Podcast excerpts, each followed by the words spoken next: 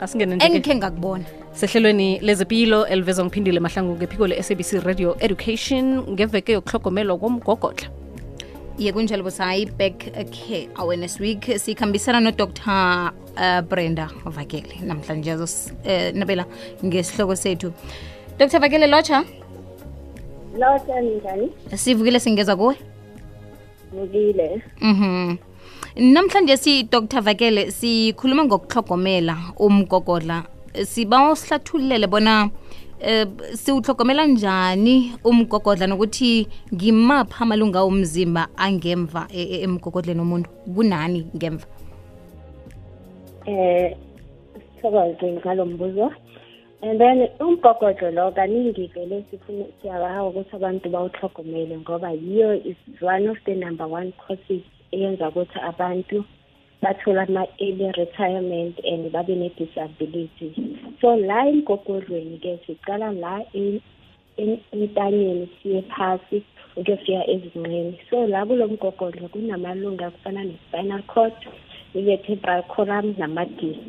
So zonke lezo zinto-ke lezo zibamba into esithi umgogodlo-ke so manje umgogodlo siwuhlogomela njani? Bathi umgogodlo uhlogomela from i-teenage years.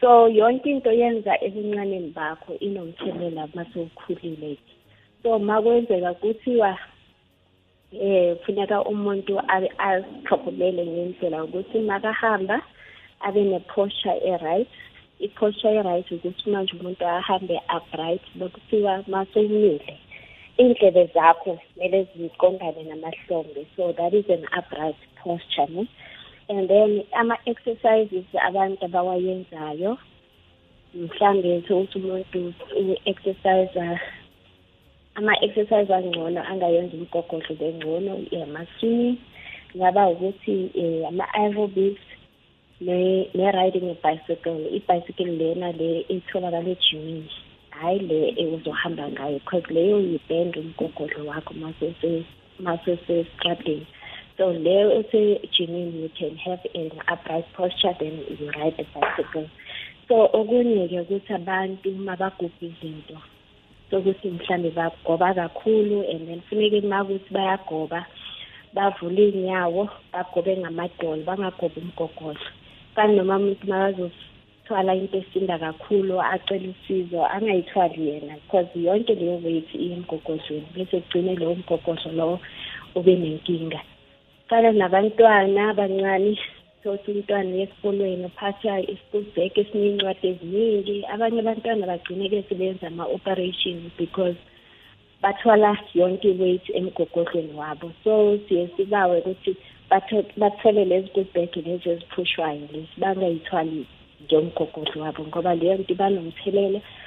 Noma mhlawumbe angazikhona mncane but ekukhuleni kwakhe ugcina aba nenkinga yomgogodlo ngoba vele iposture yakhe yamosheka from ebuntwaneni bakhe.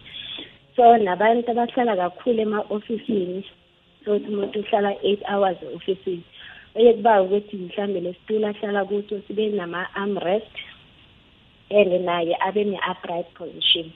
So i-posture azobe ahleli kuyo yiyo futhi ezoyenza ukuthi kube ukuthi uhlogomele umgogodlo wayo. But na ukuthi akawuhlogomeli uzoba nenkinga yokuthi abe ne-back pain. And manje mase ikhona i-back pain sekuba yinkinga-ke umuntu ayeke alise umsebenzi lo because uphenya kakhulu yileyo back pain leyo. Then kubawa nokuthi nje abantu baluze weight. Umuntu makane-weight too much then leyo weight leyo iye emgogodlweni bese-ke ugcina umuntu ahlutshwa umgogodlo so indlela abantu abahlogomela ngazo is posture nale ndlela umuntu abamba ngazo izinto futhi nokuthi umuntu a-exercise nama-exercise kumele awacale ukuthi wenza waphi ama-exercises.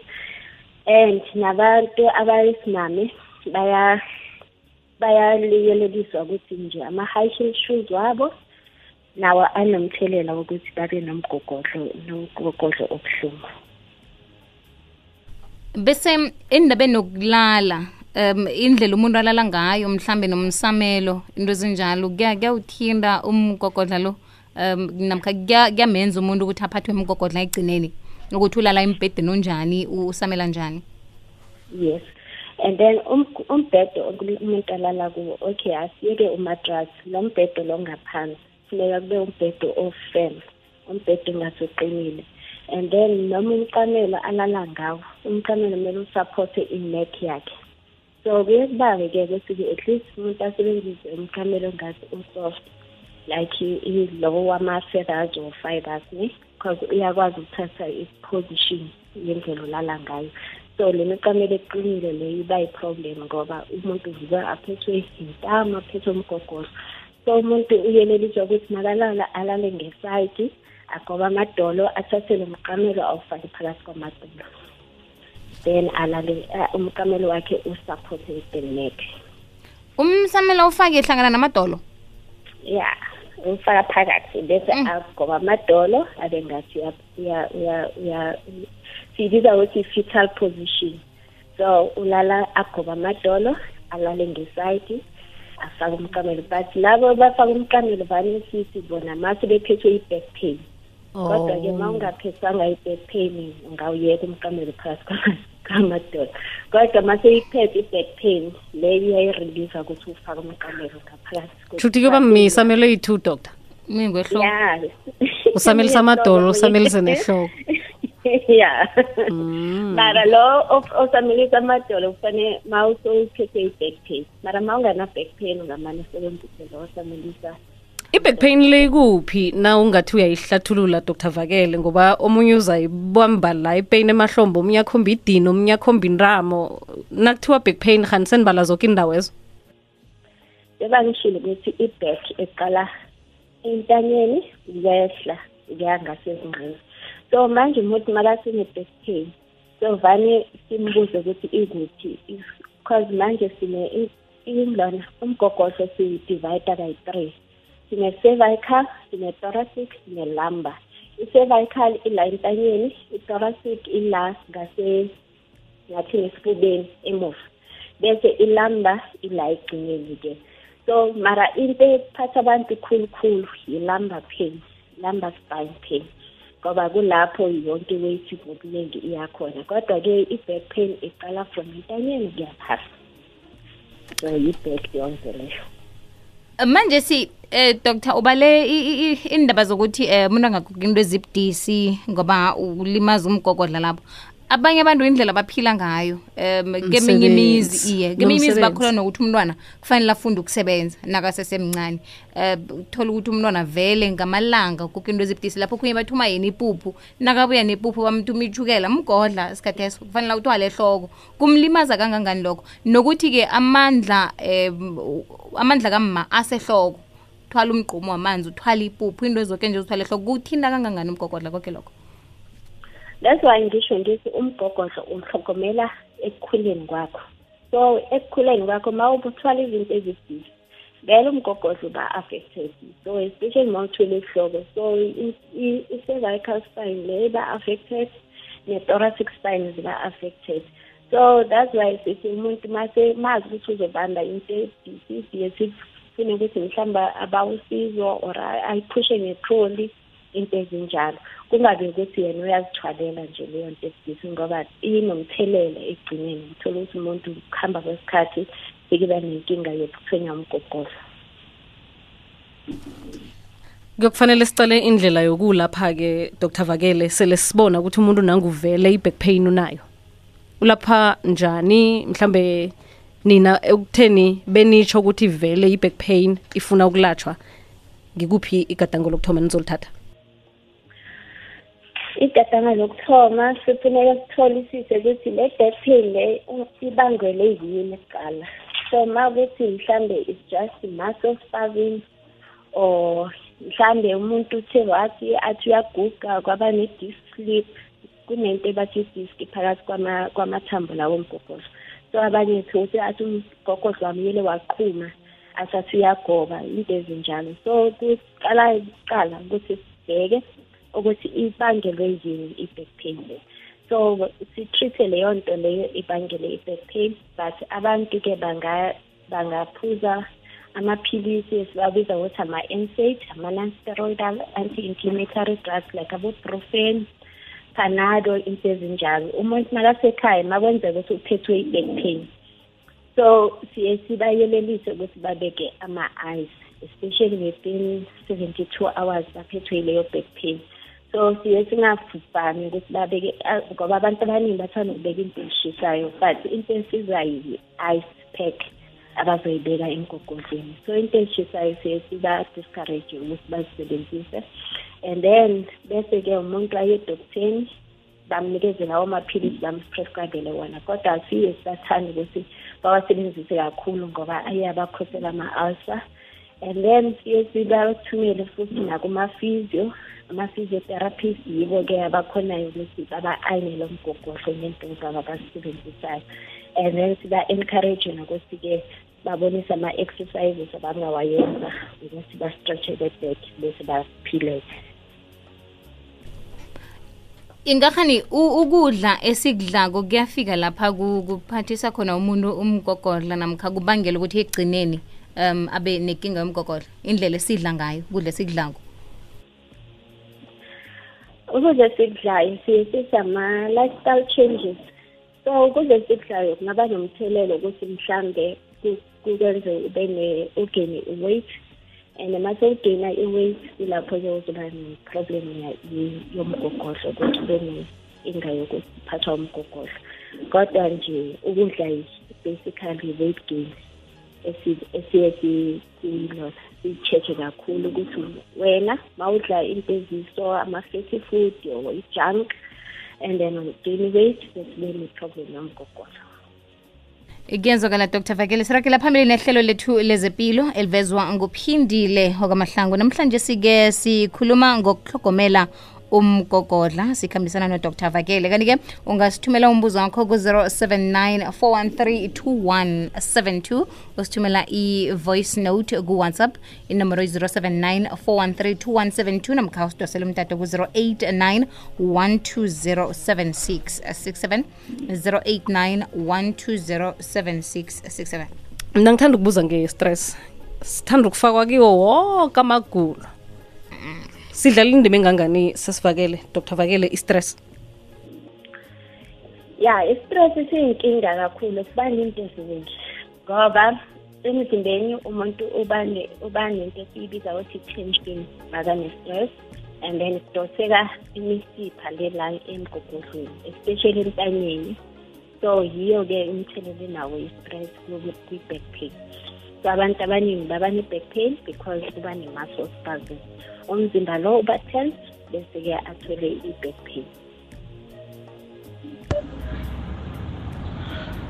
Usayi ngicela undibuze lapho ukuthi as a security guard siyema kakhulu ezigeyithini sivulavula igate sime ixesha elide zama-security so bengicela undibuzele apha kusisa ukuba ukuma oku nokusebenza umile kungakwazi ukuyenza naloo nto dr. Vakele siba wasiphendulele umlaleli ya ukuma isikhathi eside nakhona kunomthelela kwi-back pain so umuntu siye simyelelise ukuthi uma kuthi uma long hours so kufuneka ukuthi athole noma into esiyibiza ukuthi isituli encane nje abeke inyawo phezu kwalo awa-alternate lawo inyawo lawo ubeke inyawo ame isikhathi aphinde atshintshe elinye inyawo ame because ngaleyo ndlela uyayisupport-a i-back yakhe. So angeke aze ayeke umsebenzi umuntu but kumele athole iy'ndlela zokuthi at least akhuphe nomsebenzi loyo. So siye sibayelelise ukuthi at least inyawo eli-one maliphakamenyana so mhlawumbe ma kuthi umile abeke just i-footstool laphaya abeke inyawo lelo. Hayi khe ngaba ngibangibuzele ku-doctor khe ngaba nento bayibiza ukuthi i-mild paralysis. And then yangikhosela i-back pain ebuhlungu. Nanje isesekhona i-back pain leya although ngaconsulta then banginikeza amapilisi ene bangihlaba ne-injection. Nanje isesekhona and into engisilingako seyibamba umgogodla lo nebusuku noma ngilele ngizubuhlungu ngize ngingatshentshi imatrasi mara kuyafana. Isangiphatha i-back pain nanje. Dr vakele angizange kucelelise une-mild what paralysis. Iye.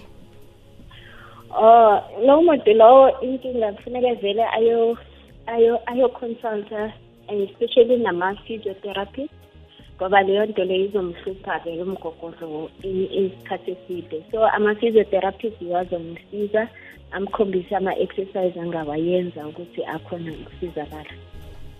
Siyathokoza dr. Vekele. Abantu vanekhe bathini bathina baphethe ezimpeni nje umuntu aye kubo-massage spa namkhana spa massage ayokubanjwa banjwa kuyindlela yokulapha nakho lokho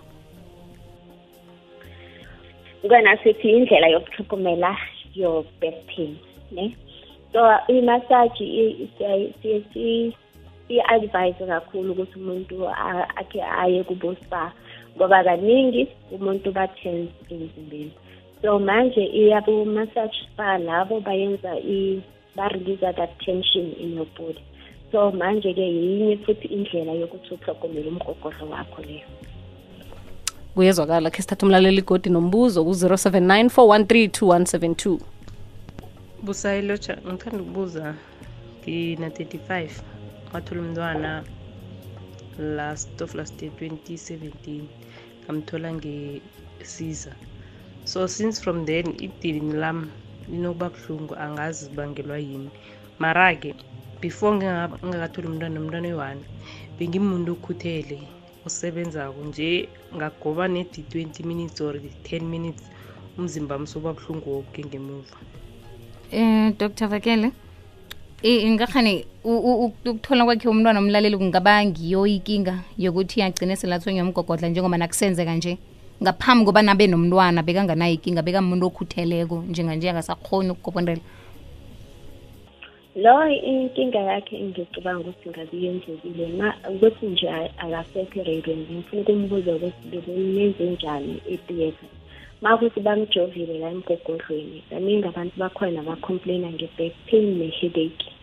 So kungenzeka ukuthi ngaba kulo mjovo lowo bamjove ngawo emgogodlweni. Then loyo muntu loyo-ke sekufuneka vele azame ukuyothola usizo. Kuma-physiotherapist or aye mhlawumbe edoktheni ezokhona ukumsiza ngaleyo peli kufanele ku-physiotherapy uh, with a physiotherapist? Ya angaya ku-physiotherapist or aye edoktheni or noma ekliniki bakuzokhona ukumsiza ngoba kungenzeka ukuthi ubangele kulowo mjovo lowo wokuhlatshwa imuva. Mabazolalisa umuntu ozoyenza isiza. Kukhona ukuthi i-back pain into engasalapheki kwe-chronic kufanele ukuthi umuntu mhlawumbe nje asaphile nayo ayimanage? Um akhona ama-back pain vele lawa agcine vele sekuyenza umuntu sithi u-disable sekufuneka ayeke umsebenzi umuntu ezinjalo. But khona amanye ama-back pain umuntu angakhona ukwamenenja so that's why ngisho ukuthi iphenda nge-cause yokuthi ibangelwe yini ekuqaleni le-back pain. So abanye sokuthi mhlawumbe une-arthritis umuntu one-arthritis sekumoshekile vele lapha eback so vane lamathambo akhuhlana so lo muntu lo makasiyabereka sekunzima vele ukuthi abereke so vane labo vele sibayenza i-disability. Kodwa khona eme-ene nje i-back pain ubonayo ukuthi le just muscle spasm inga-treated. Fani nalowe othi yena after isiza angatreatheka naloyo ngicabanga so akusi wonke ama-back pain ayenza ukuthi aba yi-chronic and umuntu akasakhoni ukwenza lutho. Kuyezwakala siragele phambili ku-079 413 nokutsho ukuthi dr. Vakele umuntu sekufanele asahlogomela imisebenzi ayenzako angasenzi imisebenzi ebudisi? Ya funeka uyihlogomele i-back yakho. All right siragele phambili. Hello busayi bengithanda ngibolisa udoktor lapha estudio nonke. Ngithanda ukubuza ngaba nenkinga nge-package yami? Ah ngawela yiboda then ngaye eklinika bangipha ama-pills bangihlaba injection but then since then azange ngisathatha enye medication ngaba ngcono kwaleso sikhathi. But manje liyangihlupha ngahlala phansi isikhathi ngiya ngizwa ama-pain noma ngajama kakhulu ngizwa ama-pain futhi ngalala kakhulu ngizwa ama-pain. So angazi ukuthi kumele ngenze kanjani busayi ngibawa ningincede cause ngisesemncane kakhulu nge-age.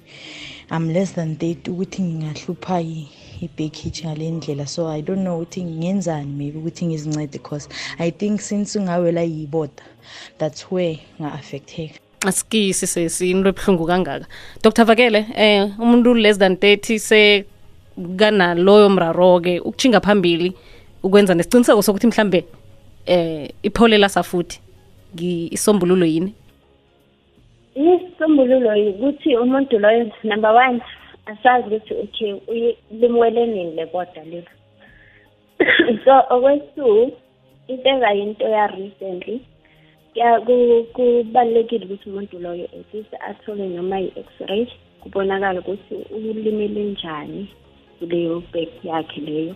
Then kulapho-ke kuzotholakala isicombululo ukuthi ingasolva njani inkinga yakhe.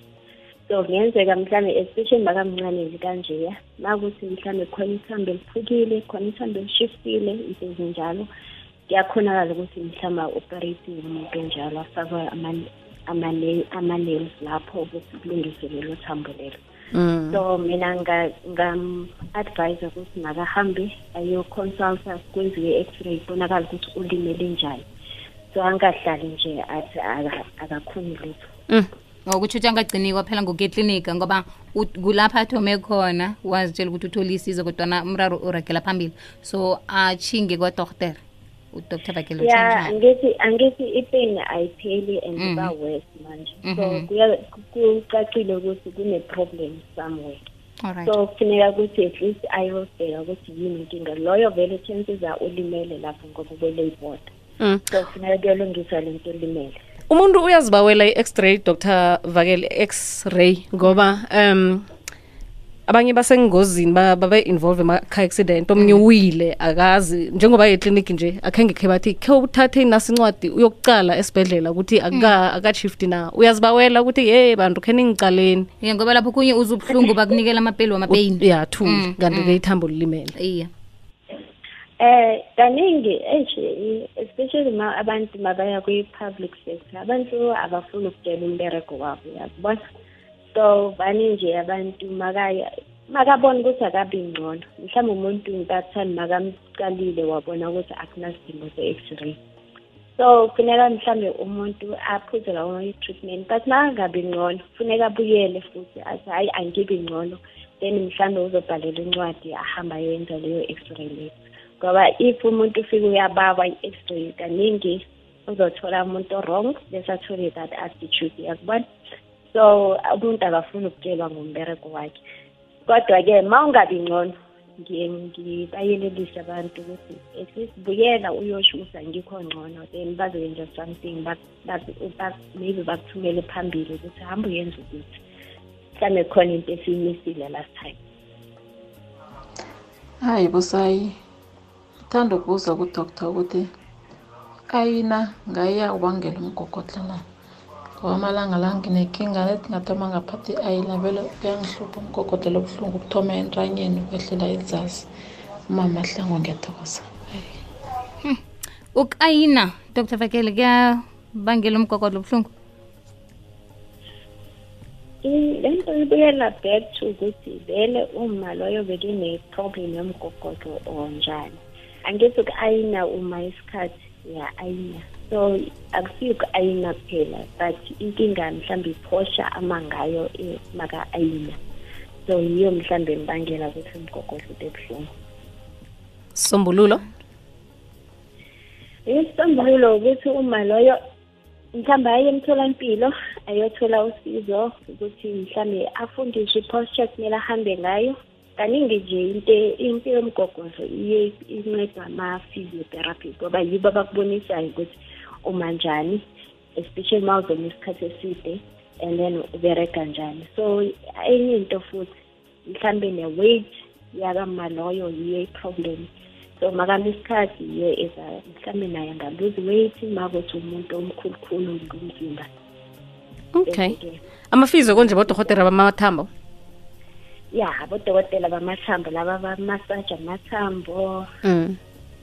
Mhlawumbe mase ulungisile lese mhlawumbe yele waphuka wayenza operation then mase kuya phambili sokufuna kubonwa amafiso okay. Sawubona sesibusayo ukhuluma nombali eh Boxburg ngicela ukubuza mina indoda yami iyathunga i-fashion designer so each and every time ihlala ihleli esitulweni. So angenza kanjani ukuthi angaphathwa i-back pain? Because iyamphatha.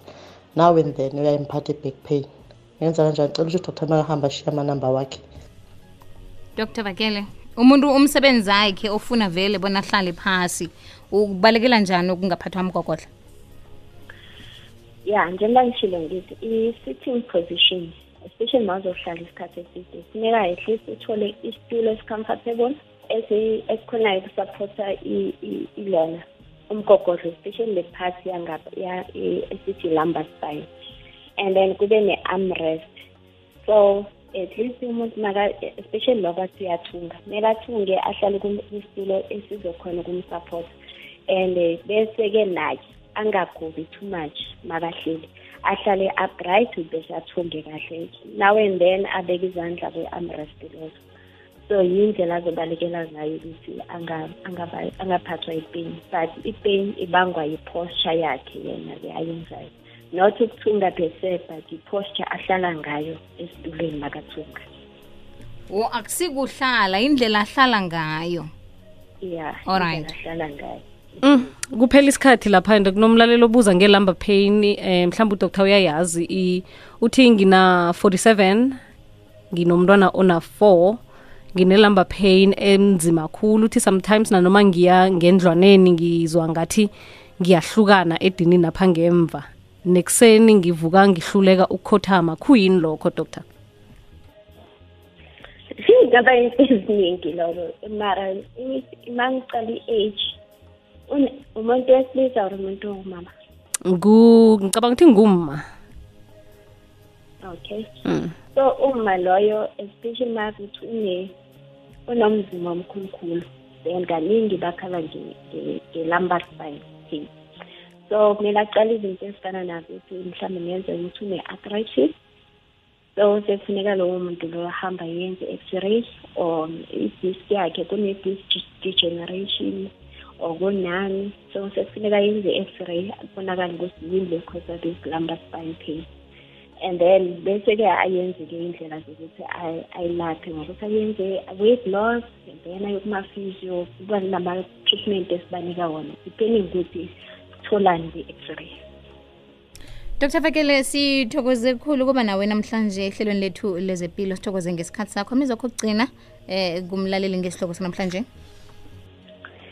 Eh amazwi okugcina engiwashoyo eh i-back into ebaluleke kakhulu ngoba ithola lo mzimba wakho wonke and kuyafuneka ukuthi umuntu asihlogomele i-back pain angabi ne-back pain. So alandele yonke lento engikhulumile ehlelweni ukuthi ahlogomele i-back pain i-back pain i-back yakho yihlogomela at a very early age ngoba mase uya phambili le vane vele sekuyimithelela yokuthi i-lifestyle yakho beyinjani throughout so wonke umuntu-ke at a very early age funeka umuntu azihlogomele i-back yakhe ngoba yiyo-ke ezowita nomthelelo wokuthi uyokhula unjani and uzolisa umsebenzi uthole ukuthi uba nama-early retirement because azazi ukuzihlogomela from ebutheni bakho siyathokoza dr. Vakile sibawa inomboro zakho eh ngiyatholakala kule number 082 466 3273 mbawa ukuthi abalaleli basende